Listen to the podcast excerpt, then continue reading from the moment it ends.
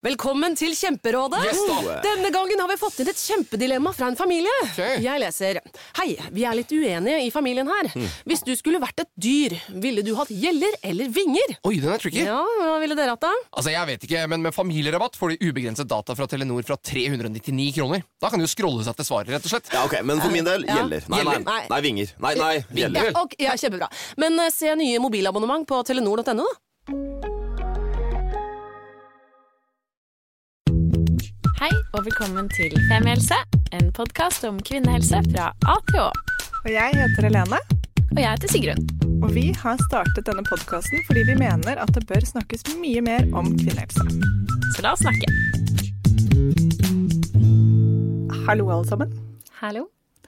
Um, denne episoden er en litt sånn um, Eller det er en oppfølgingsepisode, faktisk. Fordi vi slapp jo uh, episoden om IVF for eh, en liten stund tilbake. Og da, hver gang vi slipper en episode, så får vi jo alltid litt tilbakemeldinger på innboks, som vi setter veldig pris på, by the way. Og denne gangen så fikk vi to veldig konkrete tilbakemeldinger med litt sånn um, eh, Eller først så fikk vi én konkret tilbakemelding på litt ønsker om kanskje en oppfølgingsepisode. Og så tenkte vi OK, ja, la oss gjøre det. Og så skrev vi på Instagram Sorry, er det noen som vil være med. Og da fikk vi en til som meldte seg. Så i dag har vi faktisk med to gjester i studio som ikke er helsepersonell, men som er her for å snakke om sine historier om IVF. For det er jo litt sånn som temaer som IVF, um, så dekker vi veldig godt altså, den medisinske biten i en episode hvor vi intervjuer helsepersonell. Men så er det også veldig mange temaer som også har en emosjonell side ved seg, uh, eller en menneskelig side ved seg, som er minst like viktig.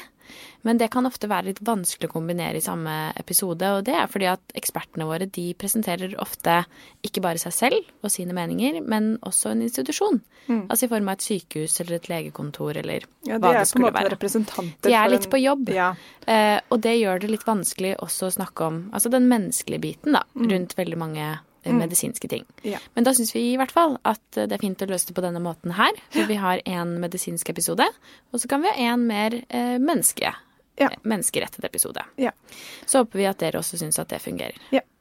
Så eh, med oss i dag har vi da Hanne og Hedda.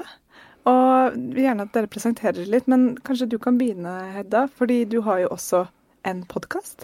Eh, ja, jeg lager en podkast som heter Barn ønskes, som handler om eh, dette med ufrivillig barnløshet og alternative veier til en familie. Da, alle andre måter enn gamle måten.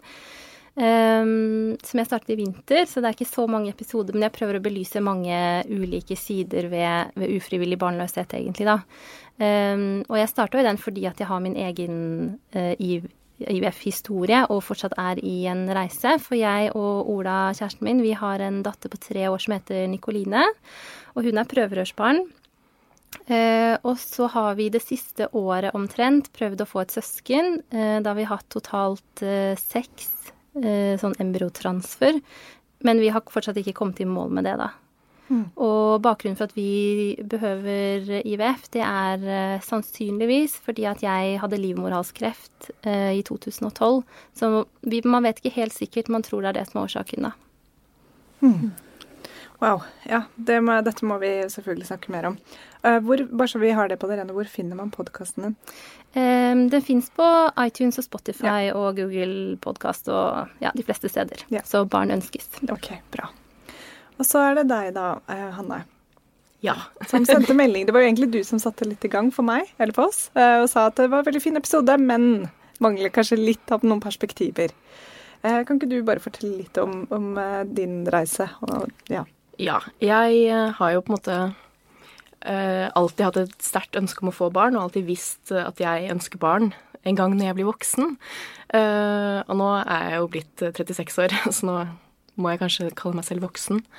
Um, og så har det uh, liksom aldri uh, blitt noe av når jeg har vært i et forhold. Eller så har eh, forholdene ikke vært lenge nok. Og så er det også det at jeg har begynt å tenke og reflektere mye mer over det liksom senere. Da, at jeg vil jo ikke bare finne en person for å få barn. For da er man liksom stuck med den personen resten av livet. Så da har jeg jo liksom tenkt på det en stund, da. Eh, jeg ble uh, singel for eh, tre år siden. eh, og begynte å kjenne liksom at klokka tikka. Og alle rundt meg har fått barn for lenge siden. Eh, søsteren min har fått barn. Eh, jeg kjente liksom veldig på det savnet, så da begynte jeg liksom å tenke på det på alvor. da, og liksom, Er det her liksom noe jeg kan gjøre alene? Eh, og eh, på den tiden så visste jeg jo at folk gjorde det, men jeg kjente jo ingen som hadde gjort det på egen hånd. Jeg kjente flere par som hadde gjennomgått eh, liksom både IVF og eh, inseminasjonsforsøk av ulike grunner. Så da begynte jeg å liksom gjøre litt mer research, og liksom kom til en konklusjon, da. At, eh, og det var jo i, på våren i fjor. At jo, dette vil jeg gjøre. Uh, og da har det på en måte tatt litt tid, da. Det er mange, mange ting som skal uh, sjekkes opp og ordnes. Uh, og når man er uh, singel og skal uh, starte med sånne forsøk, så er det jo ikke liksom Det er jo ikke noe uh, tilrettelagt i det norske helsevesenet. Så da må du finne ut egentlig alt på egen hånd. Eh, for det her er jo noe som ikke er ulovlig, eh, men det er ingen som kan hjelpe deg. Eh, så da begynte jeg liksom å undersøke, og så eh, fikk jeg masse hjelp på Facebook-grupper og som tipsa om masse forskjellige ting. Og så eh, satte jeg i gang, da. Så jeg har vært gjennom ett eh, IVF-forsøk, eh, og er nå eh, på en måte i forsøk nummer to. Så jeg skal til Danmark snart, da. På forsøk nummer to. Og det er jo litt sånn at man håper at det liksom skal skje på første forsøk, for man hører om folk som har gjort det har skjedd, men så er man jo realistisk og sånn, så jeg bare ja, håper på det beste, da. Så det er egentlig min historie, da. Ja, altså, jeg kjenner at jeg, jeg blir liksom veldig berørt, fordi jeg var også singel til inntil for et år siden. Jeg er jo nå 34. Ble det forrige uke. Tusen takk for alle gratulasjoner. Gratulerer med dagen, Helene. og, og tenkte eh, ve- veldig som deg, um, Hanna, at eh, en dag, så hvis ikke dette går i boks, så tror jeg nok at jeg vil vurdere det. Men jeg var også åpen for at ok, fuck it, kanskje jeg bare heller flytter til New York og lever et sånt rikt liv hvor jeg jobber i reklamebransjen og dyrker meg selv 100 Det Har masse liksom en- penger. Ja. En av to. men men jeg, jeg var alltid sånn det, det, um, For meg så føltes det som et sånt Det er jo et ganske stort valg å ta. Hvordan føltes det å liksom hoppe inn OK, nå setter jeg i gang. Eller var det liksom Var det lett? Eller ja. Eh, både og, tenker jeg. Eh, jeg har liksom eh, alltid tenkt at siden søsteren min ble så lett gravid, eh, så tenkte jeg at det kom ikke til å være noen liksom, problemer. Den dagen jeg ville starte, så kunne jeg bare ta inseminasjon, og så funka det bra. Det er ikke så dyrt, og ikke, du må ikke gå på medisiner. Men så var jeg gjennom en fertilitetssjekk her da, på våren i fjor, her i Oslo. Og da sa de at liksom alt alle hormonnivåene og alt ser bra ut, bortsett fra at egge, eggreserven, den AMH-verdien, den var veldig lav. Eh, Så da, jeg hadde tenkt egentlig å, å la, vente lite grann, eh, til jeg liksom var kanskje nærmere 38. Eh, Men så da fikk jeg liksom sånn ild under føttene, da. At da måtte jeg bare kjappe meg. Så da ble det litt kjappere enn jeg hadde tenkt. For jeg, hadde jo, jeg har jo selvfølgelig lyst til å møte noen og få barn på en naturlig måte. Men da tenkte jeg og reflekterte mer rundt det, da, og det å gjøre det alene. Og da Så det var jo mer på en måte Jeg følte det av nødvendighet å starte nå. Eh, så ja. For det gir også veldig mening. Um, det der med at man får den beskjeden. Sånn, det er nå eller ikke. Da tror jeg også at hvis jeg hadde tatt en sånn fertilitetstest som singel og fått den beskjeden, så tror jeg nok da hadde hoppet vært ganske greit, da. Um, tror jeg. Men det vet man jo ikke før man sitter der og Man liksom blir i hvert fall på litt det. sånn akutt stilt overfor et valg Ja. som du veldig lenge ikke trenger egentlig å ta stilling til. Og at det er litt sånn Ja, det er ikke så farlig hvilken vei det går, på en måte. Eh, jeg tenker i hvert fall, eller For min del så kan det i hvert fall være lett å tenke litt sånn at liksom Ja, kanskje en gang i fremtiden. Vi får se. Er en sånn, hvor tok du en fertilitetstest? Er det noe alle kan ta? Uh, ja. Spør for en venn. Ja. uh, man kan Jeg gjorde det privat. Uh, jeg vil jo anta at alle gynekologer kan ta denne testen, men det er ikke alle gynekologer som eh, eh, tillater det dersom du ikke har en partner. Er det sant? Eh, Ja. Så det, det kan de nekte. Um, for det, hvis du går på internett for å sjekke, så står det alltid at begge to må komme. Mannen og kvinnen må komme for å teste seg. Eh, og derfor kan de i teorien si nei, da. Så jeg gjorde det bare på en privat, også en privat gynekolog, eh, som tok de blodprøvene som trengs, og som sjekket at egglederne var åpne. Eh, og sånn rekvirerte den AMH-prøven, da, som på en måte er litt mer sånn spesiell. Og fikk resultatene. Det var jo ikke noe, det var ikke noe vanskelig. Det var, det var, bare det at jeg fant noen som ville gjøre det. Da, men det kostet vel ja, 1500 eller 1800 kroner for å teste om du var fertil, da. Er denne fertilitetstesten noe man må ha før man setter i gang med et eh, IVF-forsøk? Nei, det er det ikke. Men det anbefales, for det er jo ikke noe vits å F.eks. hvis man eh, Akkurat med IVF så er det litt annerledes, for da tar man jo ut eggene. Men hvis man skal forsøke først med noen insemineringsforsøk, så er det jo ikke noe vits å gjøre det hvis du f.eks. har tette eggledere, for da vil jo aldri uh, sæden komme fram til egget. Eller egget til sæden, eller et eller annet sånt. Ja. Uh, så uh, hvis uh, klinikken som jeg går til, hos da, i Danmark, de ønsker at man skal gjennomføre det, men man må uh, ta hormonprøver. For de vil på en måte vite De skal jo behandle deg med medisiner, så de må jo vite hvordan de skal simulere deg, og hvilke doser du trenger å ta da. Selvfølgelig. Veldig interessant. Uh, det sånn, wow! Det led fram. Det er veldig Um, spennende på en måte. Det er kjempespennende. Mm, også fordi det er så mye liksom, kjemi og Ja. ja, Jeg gikk og tenkte på det i dag tidlig, da, for jeg tenkte på at jeg gledet meg til å spille inn denne episoden. Og gikk og tenkte på det, så tenkte jeg For vi fikk jo på en måte forklart litt hvordan IVF eh, fungerer. ikke sant? At man går inn med den nålen og henter ut egg. Og jeg syns at det er så mange sånne ting, spesielt nå skal jeg være litt sånn, som kommer til kvinnehelse, hvor man bruker ord og uttrykk som ikke beskriver det godt nok. F.eks. prøverør. Det høres jo ut som at det bare er noe som skjer i en Petri-skål, at du nærmest liksom har droppet disse eggene ned i en skål. Eh, eller VF, ikke sant, at det skjer utenfor kroppen. Men det, det skulle hett noe sånn egg, ho, hormonhelvete, egguttakningskonsept. altså et eller annet, fordi det er jo så sinnssykt mye mer. Å ja, prøverør, ja. Og så liksom, å ja, så greit, da. Det høres det- veldig enkelt ut. Ja, men bare det jeg hørte liksom, når um, Anne Marte Vårdum liksom forklarte den eh, nål inn i egglederen for å ta ut Eller eh, i eggstokkene for å hente ut egg, så er det sånn Å, fy. OK. Ja. Det høres ikke så veldig behagelig ut. Nei. Men Men Hedda, ja. du prøvde dere da eh, Hvordan endte dere opp med mm, komme til det punktet at dere skjønte at dere måtte ha, eller bruke IVF? Ta, gjøre IVF. Ja. Um, vi visste det jo på forhånd at det kunne bli et problem. Vi fikk vite det allerede da jeg ble operert, for jeg har hatt en operasjon hvor de fjerner en del av uh, livmorhalsen. Og da sa de det at det kan hende at du vil trenge IVF. Men uh, vi fikk jo beskjed om å prøve på egen hånd, så vi prøvde ja, i åtte måneder i hvert fall, før vi Da gikk vi også til gynekolog og fikk en sånn fertilitetsutredning. Um, og så ble vi henvist da til Rikshospitalet. Um, og så fikk vi sette i gang der, da. Måtte du vente åtte måneder, eller var det noe dere valgte selv? Nei, Man sier jo at man ikke henviser videre til assistert befruktning i det offentlige før det man har prøvd i ett år, og det er jo fordi at det kan være helt normalt at det tar opptil ett år å bli gravid på egen hånd. Eh, Men hos oss så fikk vi henvisning litt tidligere fordi at man visste at det allerede var en mulig årsak, da.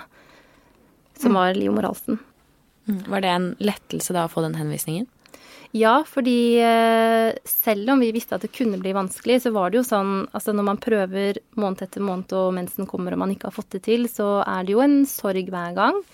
Eh, En større sorg enn man kanskje skulle tro. Jeg tror veldig mange blir, eller kan kjenne seg igjen at man blir frustrert og utålmodig og ser andre rundt seg som får det til, og så går det liksom bare månedene.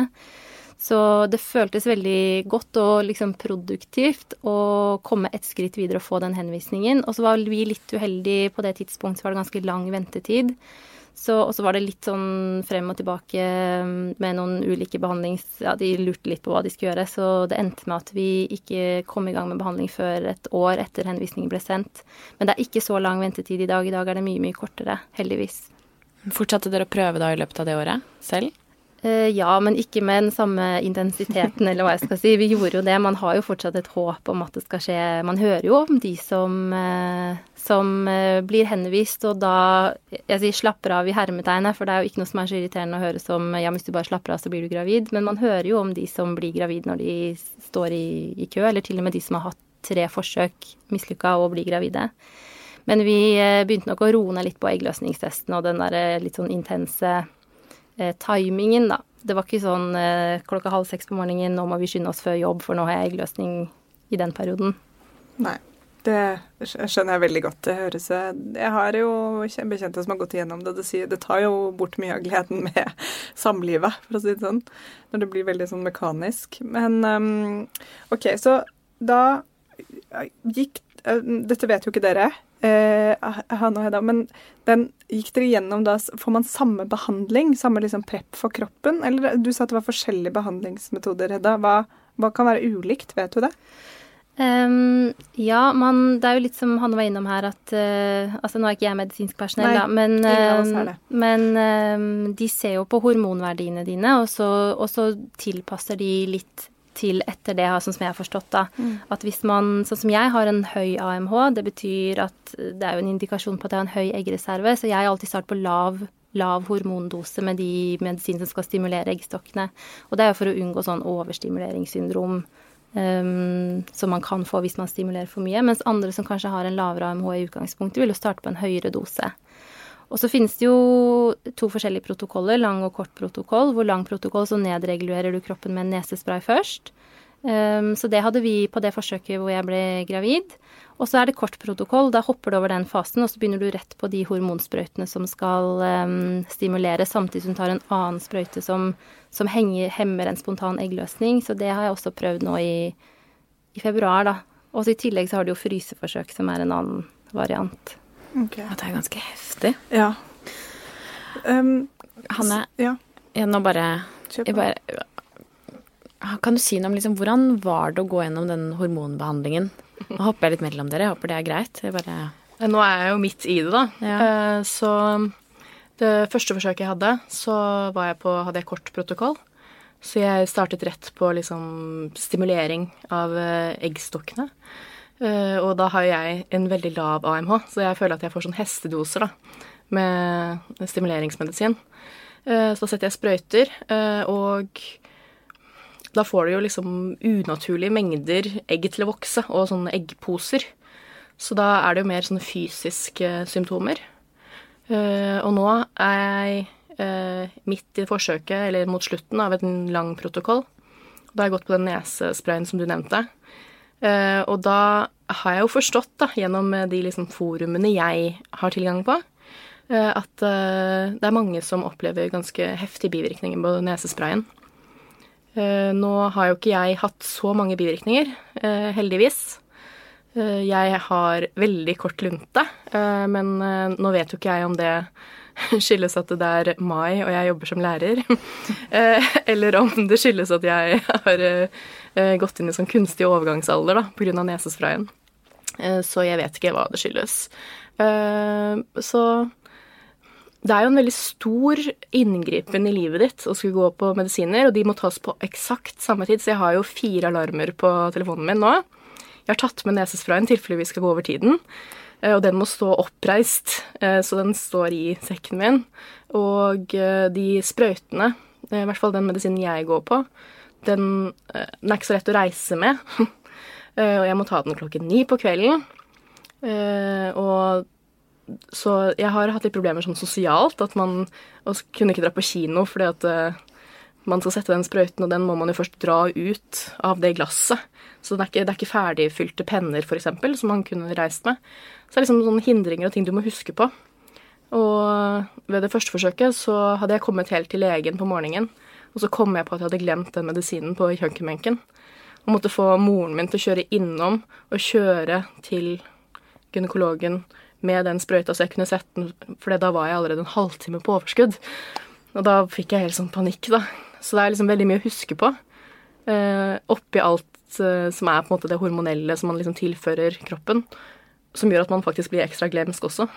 Er det sant? Ja, så i hvert fall det er en av tingene som jeg oppdager, da. Jeg blir sliten og trøtt, og litt sånn, sånn brain fog. Og eh, jeg Og da skal du huske på ekstra ting. så det er liksom sånn, det er mange ting man må holde styr på, så føler man at eh, dersom du sett, ikke, eller glemmer den ene sprøyten, så har du egentlig ødelagt kanskje hele greia. Da kanskje egget har sluppet, som ikke skulle slippe. Og så er det så, i hvert fall for meg, da, når man ikke får det dekket av det offentlige, så er det fryktelig mye penger det er snakk om. Og du har allerede investert så mye i et forsøk, så du, det er veldig viktig at liksom alt går knirkefritt. For det, ja. Hvor mye koster et sånt forsøk? Eh, Jeg har regnet litt på det, for det, er jo i danske kroner. Ja. Men et ett forsøk på den klinikken jeg går hos i Danmark, i København, Det er ca. 30 000 kroner for selve forsøket. Det at de liksom tar den nålen og stikker den inn og tar ut egget.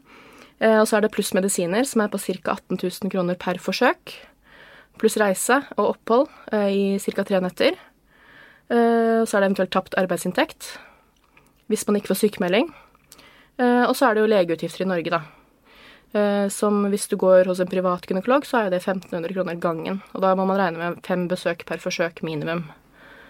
For at man skal sjekke hvordan det ligger an med eggene dine. Wow. Så eh, ja. Hvor lang tid varer en sånn eh, Altså ja, hvor lang tid varer en kort protokoll og en lang protokoll cirka? Er det det samme? Nei, eh, lang protokoll varer jo betydelig lenger, for da går du noen uker på nesesprayen før du begynner å stimulere. Og så er det vel litt forskjell, um, men da kan du kanskje gå en to-tre uker på nesespray. Men noen går jo veldig lenger. Noen ganger hvis man har endometriose f.eks., så er det noen som blir satt på nesespray lenge for å liksom virkelig nullstille uh, kroppen. Men etter at du er ferdig med nesesprayen, eller du fortsetter med nesesprayen, så er det kanskje er det ti-tolv dager eller noe sånt på sprøyter ofte. Ja, jeg har gått eh, Nå har jeg bare gjort det én gang, da, men da gikk jeg elleve dager Ja. på sprøyten. Mens i en kort protokoll er omtrent som en vanlig menssyklus. Da er det mm, Ja, det er tilsvarende lenge med sprøyter, og så har du jo uttak og innsett, og så har du jo da testdag omtrent når du skulle hatt mens, da. Ja, så en måneds tid. Ja. Kjenner du deg igjen i det Hanne sier, Hedda, om følelsene og glemselen og ja? Ja. Eh, nå er det jo lenge siden jeg hadde lang protokoll, det var jo i 2015. Men eh, en ting som jeg har hatt, som kanskje ikke du har hatt, det er jo fryseforsøk. Eh, det er jo når man har overskuddsembryoer fra et ferskforsøk, så fryser man jo ned de befruktede embryoene hvis de har en god nok kvalitet. Eh, og det blir jo en slags bonusforsøk hvor du kan tine opp og sette inn. Og da fins det også to varianter for det. Det er i styrt syklus, hvor du har en, eh, altså en medisinert syklus, og så er det i naturlig syklus, hvor du bruker kroppens egen syklus. Og jeg har hatt tre sånne forsøk i styrt syklus, eh, og da er det litt andre hormoner du tar. Da går det på østrogen, altså proginova, samme som man gir til kvinner i overgangsalderen, eh, i kanskje 14 dagers tid. Jeg har gått på det litt mer. Og da, hensikten der er å hemme en naturlig eggløsning, så du holder liksom eh, eggutviklingen nede, da. For den follikelen som vil ha utvikla seg i den syklusen. Og så når livmorslimhinnen hos en ser bra ut, så starter man på progesteron. Som jo er det kroppen produserer i liksom den lutealfasten, altså PMS-fasten, egentlig. Um, og så mm, kan man sette inn embryo, og så går man på både uh, proginovaen og progesteron frem til testdato. Og jeg har slitt veldig med det østrogentilskuddet. Det er sånn jeg har hørt noen kalle for dragemedisin, og det er, det er beskrivende. Hvordan blir du? Eh, jeg blir sint og nervøs og skvetten og veldig, veldig lei meg. Jeg pleier noen ganger å si at det føles som noen tar en svartmalt osteklokke og setter over hele meg, og så virrer jeg rundt inni der i to uker.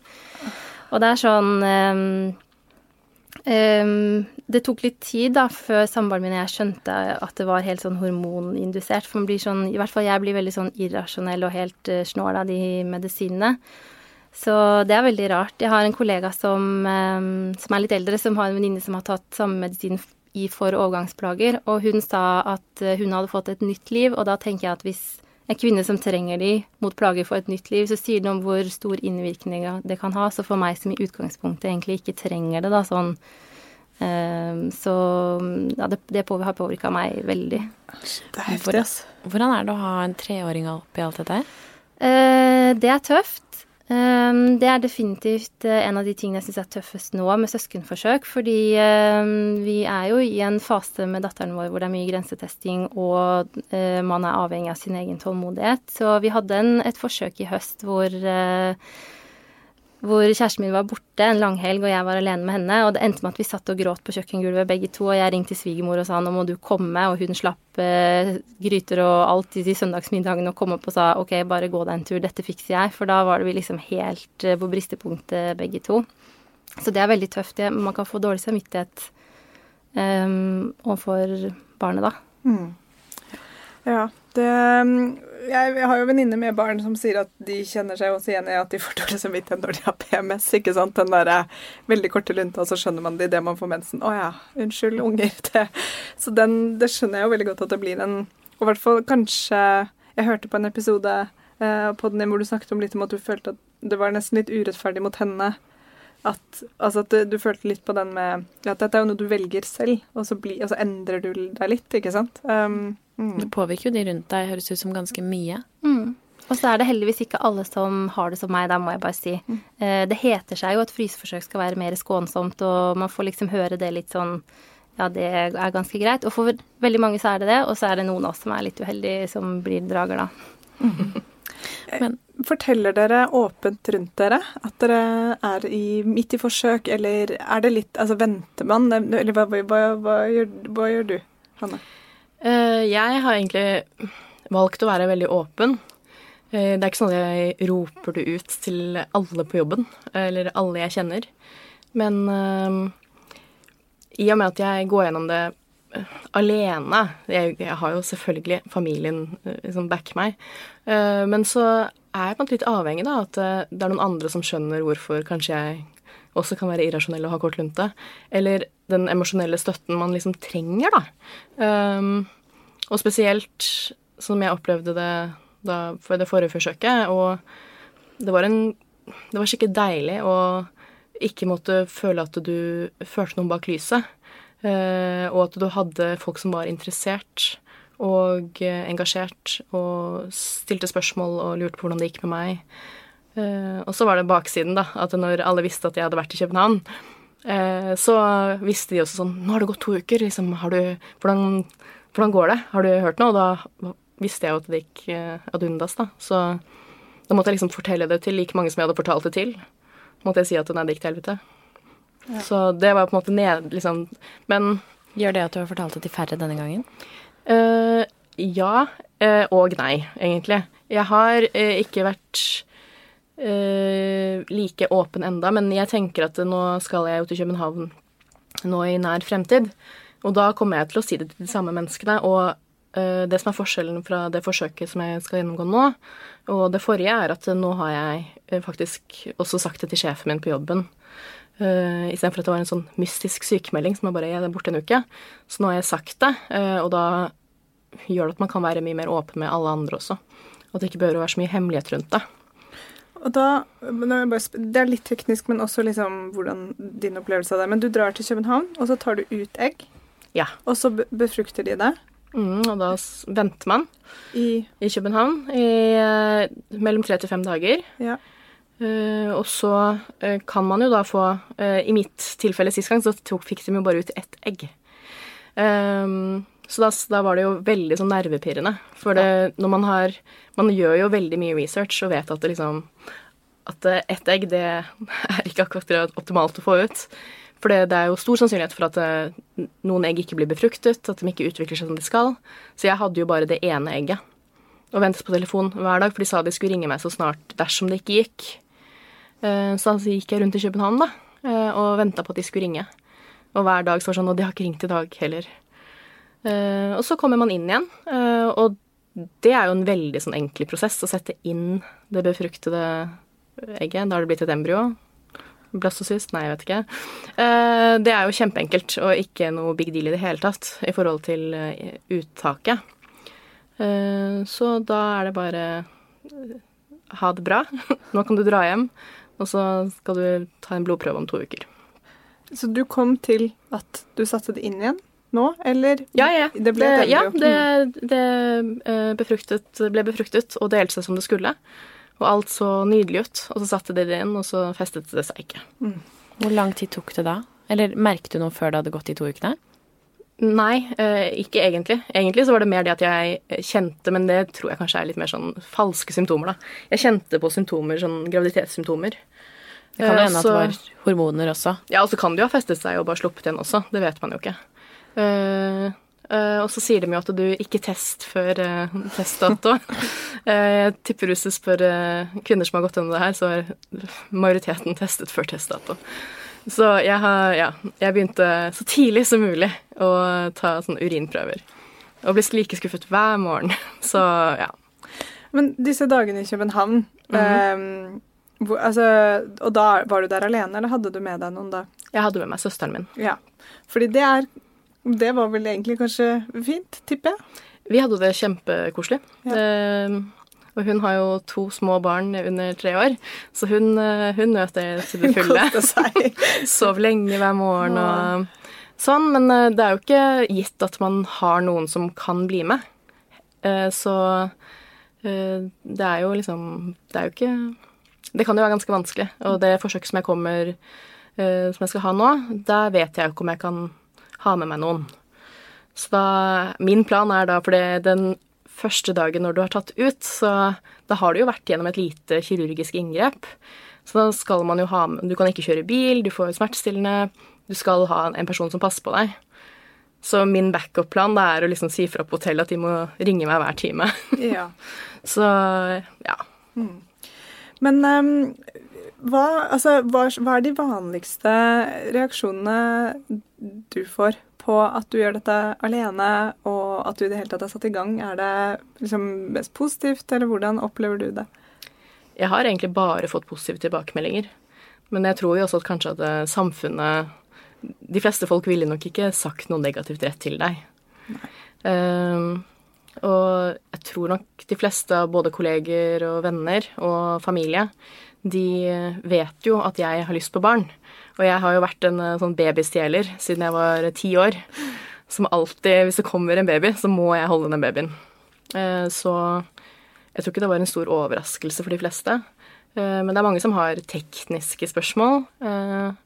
Og så er det De er veldig mange som er støttende. Jeg har hatt guttevenner som har sagt at å, så kult. Da kan, da kan jeg være et mannlig forbilde. Uh, og det er kjempe, liksom, det er koselig å høre, og alle heier da, og støtter. Uh, det er jo sikkert noen som ikke er eh, så positive til det, men de kanskje ikke tør. De sier det ikke til meg. De, Men har du vegret deg for å fortelle det til folk? Jeg har ikke det, men jeg vet at uh, moren min kan ha syntes det har vært litt vanskelig å fortelle det til sine venner. Så hei, mamma, hvis du hører på. Det gikk fint. Eh, for hun, det er jo en helt annen generasjon. eh, og, eh, så hun har liksom kjent litt på det at Hun har jo villet fortelle det. Og så har hun vært litt redd for hvordan folk skal reagere. Men for henne også, da, så har det jo liksom gått kjempefint. Og folk er liksom gira og ivrige og engasjerte. For nå har vi hengt sammen i hele 30 minutter her. Eh, Og jeg opplever deg jo som en veldig sånn sprudlende, varm eh, person som Det skulle, vært, det skulle litt til for kanskje liksom at folk er sånn superkritiske når du kommer med et ønske om å få barn. Så tenker man jo liksom ja, check, selvfølgelig. Håper det går din vei, da. Um, men så kan jeg også kjenne meg igjen i det der når du skal dele noe stort, uansett hva det er i livet, så kan man jo få litt den Åh, men jeg orker ikke helt å forklare det. Og må jeg liksom gi Jeg, jeg tenker alltid sånn at jeg må ha en heispitch, da. Um, på liksom hva er det som har skjedd. For det blir i hvert fall en eh, Hva skal man si? Det gjør det lettere for deg selv, da. Ja. Ja. Jeg husker da jeg knakk håndleddet, som er jo akkurat det samme som dette her. Men jeg knakk håndleddet, og så fikk jeg veldig mange spørsmål. Jeg gikk jo rundt med rosa gips, som jeg var dum å få. Og da var det veldig mange spørsmål. Til begynnelsen så hadde jeg en sånn lang historie om hva det som hadde skjedd, men så lærte jeg meg sånn Jeg gikk på ski, knakk hånden, men det går bra. Gipsen skal av om x antall dager. Og det var fordi Hvis ikke så fikk jeg de samme spørsmålene hver gang. Har du laget deg en sånn liten historie som er sånn Nå er jeg i gang med dette fordi jeg alltid har hatt lyst på barn, eller uh, egentlig ikke. Uh, det er sånn alle Jeg har jo ikke fortalt Jeg tror egentlig ikke jeg har fortalt det til noen som ikke kjenner meg. For det, det er jo helt unødvendig å fortelle det til noen man ikke kjenner. At eh, Hei, du ukjente. Det syns kanskje ikke like mye som en rosa gips. Nei, det er litt mer usynlig. Ja. Gudskjelov. Mm. Eh, så de som kjenner meg, de vet jo hvordan jeg er som person. Så det har mer vært det å si sånn Å, oh, vet du hva, nå har jeg bestemt meg at jeg, jeg skal prøve å få barn. Og da Da er det Det har bare vært positive tilbakemeldinger. Eh, det kan jo ha noe med leveransemetoden, hvordan jeg sier det til dem. At jeg nå skal fortelle deg noe skikkelig bra. sikkert også hvem du har valgt å fortelle det til. Ja. Kan jeg se for meg. Jeg vil jo anta at det er jo mennesker som fins i livet mitt som ikke kanskje ville vært like positive, men de har jeg bare ikke fortalt det til. Nei. Eh, Godt de, valg. ja. De vil jo merke det senere. Og da kan Jeg vil jo kanskje tro at det, det kan komme negative kommentarer senere. Om ikke til meg, men bak ryggen min. Uh, vil jeg jo anta. Ja. For det, det er jo noe som mange føler at de kan kommentere på og mene noe om, enda de ikke har noe kontroll over kroppen min uansett. Hedda, eh, hvordan, har, hvordan har du vært med dette her? Har du vært åpen om det? Eh, ja. Særlig nå, da, siden jeg lager en pod. Men, eh, men eh, også før det så mm, Jeg har heller ikke sånn kringkasta det, men eh, jeg har fortalt det etter hvert som det har falt seg naturlig. Så leder, for eksempel, har alltid visst. Og nære kollegaer og, og gode venner, og også familie. Um, Ola valgte ikke å fortelle til sin familie når vi prøvde på nummer én, og det tror jeg handla litt om at han ville så inderlig gjerne få muligheten til å overraske de med de gode nyhetene, og det fikk vi jo òg. Og så tenker jeg litt på et aspekt ved åpenhet som jeg er litt opptatt av, er det at um, jeg kjenner, sånn som jeg kjenner meg selv, og også kjenner igjen i mange andre, så sier de at det jo, kan være vanskelig når venner blir gravide og får barn. Og det tror jeg er noe av det mest skamfulle for mange i den prosessen her. At man eh, Ja, man blir glad, men man får også sin egen sorg rett i fleisen. Uh, og der opplever jeg også at åpenhet kan være en styrke. Da. Jeg hadde f.eks. en venninne som ble gravid i høst, akkurat når jeg liksom var på et skikkelig sånn bunnpunkt. Og så skulle vi på en jentekveld, og jeg visste at hun kom til å stå med eplesideren i hånda, og at alle kom til å liksom gratulere og, og heie. Og det å, å, vite at hun visste hvor jeg var, sånn at jeg kunne si sånn Du, um, på fredag så kan det hende det kommer noen veldig rare reaksjoner fra meg. Kan hende jeg reiser meg opp og går på do mens alle de andre står og jubler rundt deg, men det handler ikke om deg, det handler bare om meg. Liksom ha muligheten til å være litt sånn åpen om sånne ting, tror jeg at um, at senker veldig den der stressnivået rundt sånne ting, da. Men så vet jeg jo at mange ikke er så komfortable med åpenhet, og det har jeg også full respekt for. For meg så har det bare vært positivt. Mm. Ja, det er veldig, ja, veldig godt på Jeg har alltid diskutert litt med en del venninner nå som er sånn nygravide. Um, og som har sagt om dette med den tolvukersregelen, ikke sant, at du venter så lenge med å si det. Og så er jo det fordi at man kan Det er lettere å miste, ikke sant. Og, så, men det er jo jeg, jeg, skjønner veldig godt de som vil være liksom private på det. At man føler at dette er noe fint mellom at man enten gjør det selv eller med noen andre. ikke sant? Men at man kjenner at dette vil jeg holde på til jeg vet litt mer at det går bra. Men hvis du mister, så går du jo også gjennom masse ting, og du må se på venninner som får det til, eller ting som altså, og det er Jeg har en venninne som sendte meg bilde av graviditetstesten idet den var tatt. Hurra! Og jeg var sånn Shit, når er det dette har skjedd? Hvor lenge har du visst det? Hun bare to timer. Jeg er veldig klein. Men jeg følte at det var noe mer enn at jeg var klein. Jeg bare Oi, så fett, så gøy, gratulerer. Og jeg bare sier dette, du dette til alle. Hun bare Ja, tenker at de jeg er eh, nære og kjære, skal få vite det. Det er helt greit. For hvis jeg mister, så kommer jeg uansett til å bli så påvirket av det at da kommer jeg sikkert til å ha den, den, støtten rundt meg, da. Men som hun også sa, jeg respekterer veldig også de som vil ha det privat. Men det er um, det, Jeg syns det er veldig fint med den åpenheten hvis man Eller den åpenheten man selv føler for da, og velger å ha. Fordi det har noen skikkelige oppsider ved å være åpen. Eh, nettopp at man får en mer sånn en gjeng rundt seg hele veien, da. Eh, enn at folk lurer på hva er det som skjer her, egentlig. Mm. Men mm. jeg tenker sånn på en annen side så tar man jo også Ok, nå skal ikke jeg være negativ til å være åpen, da, men man er jo også på et veldig sånn følsomt sted, så det jeg kan bare se for meg at det skal kanskje ikke så mye til før ting blir feil? Jeg tror at en del brenner seg på det. At eh, de har vært åpne, og så blir de møtt med mm, jeg tror ikke det er eh, meningen å være slem eller si noe feil, men jeg tror at mange kan oppleve å bli møtt med f.eks. Ja, men det er jo mange barn i verden, kan dere ikke adoptere da? Eller det er jo ikke noe menneskerett å få barn. Eh, det er jo dessverre Jeg har vært veldig forskåna for det. Jeg vet ikke om det er fordi jeg har spesielt omsorgsfulle venner og kollegaer, men men jeg hører fortsatt om veldig mange som får veldig mye rare kommentarer, altså.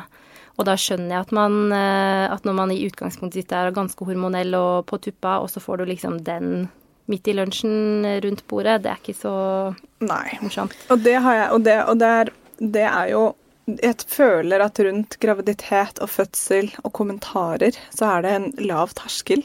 Og også Jeg husker en kommentar som sitter sånn brent i meg, som jeg kom med. Var da en eh, venninne av meg hadde mistet veldig tidlig. Jeg visste ikke at hun hadde Jo, jeg visste at hun var gravid, så hun var over tolv uker. Og så møter jeg henne en dag, og så, og så sier jeg hvordan Nei, jeg, mis, jeg, har mistet. Og min kommentar var at jeg ble så perpleks at jeg sa sånn OK, men da kan vi ta et glass vin på terrassen. Det var sånn For nå har vi i hvert fall det å glede oss til. Som for henne var sikkert bare sånn okay. Den største sånn Det var det siste hun var keen på, selvfølgelig, var å drikke vin. Men jeg bare choka fullstendig i øyeblikket og kom med den. Så jeg, jeg, skjønner jo det at hvis du, tar, hvis du har mange nok av meg da, rundt deg som kan greie i det øyeblikket For jeg blir i hvert fall helt sånn OK, men vi kan drikke vin! Ja. Man vil jo bare si noe, og så vil Mm. man at det skal være hyggelig, og så vet man ikke hva man skal si.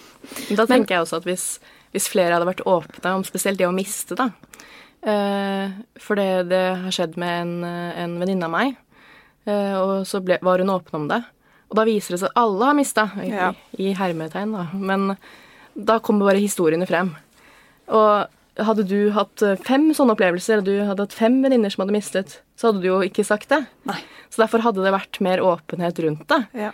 Eh, så hadde jo folk eh, reagert på en mer eh, normal måte, da. For det, det er jo en normal Det er jo faktisk en normal ting som skjer. Eh, Så det tenker i hvert fall jeg, da. At, eh, for det, sånn, det er jo meg personlig. At eh, jeg har alltid syntes at den tolvukersregelen har vært litt sånn teit. fordi at Så da skal du holde på den hemmeligheten, og så hvis det går skeis, så skal man sitte på den hemmeligheten alene også. Eventuelt med to, da. Med deg og partneren din. Så skal man sitte på sorgen helt alene. Jeg tenker jo at eh, det må jo være bedre, og i hvert fall når du hører da om at alle andre bare Ja, men jeg mistet fem ganger før jeg ble gravid og fikk første, mitt første barn.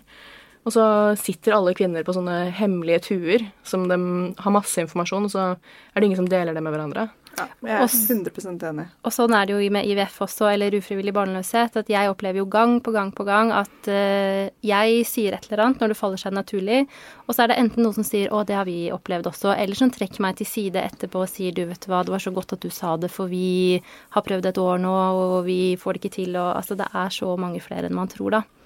Ja. Og det opplever jeg også.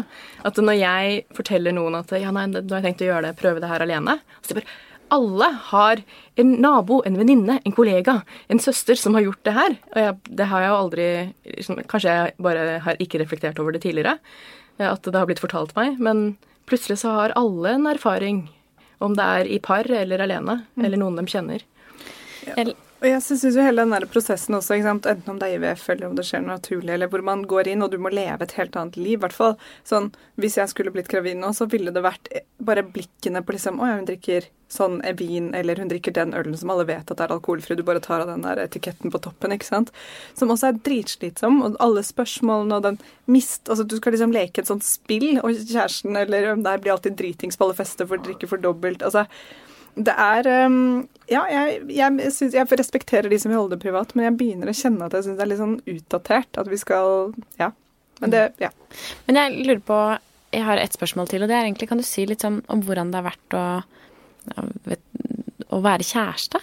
Altså sånn å være partner i et sånt forsøk?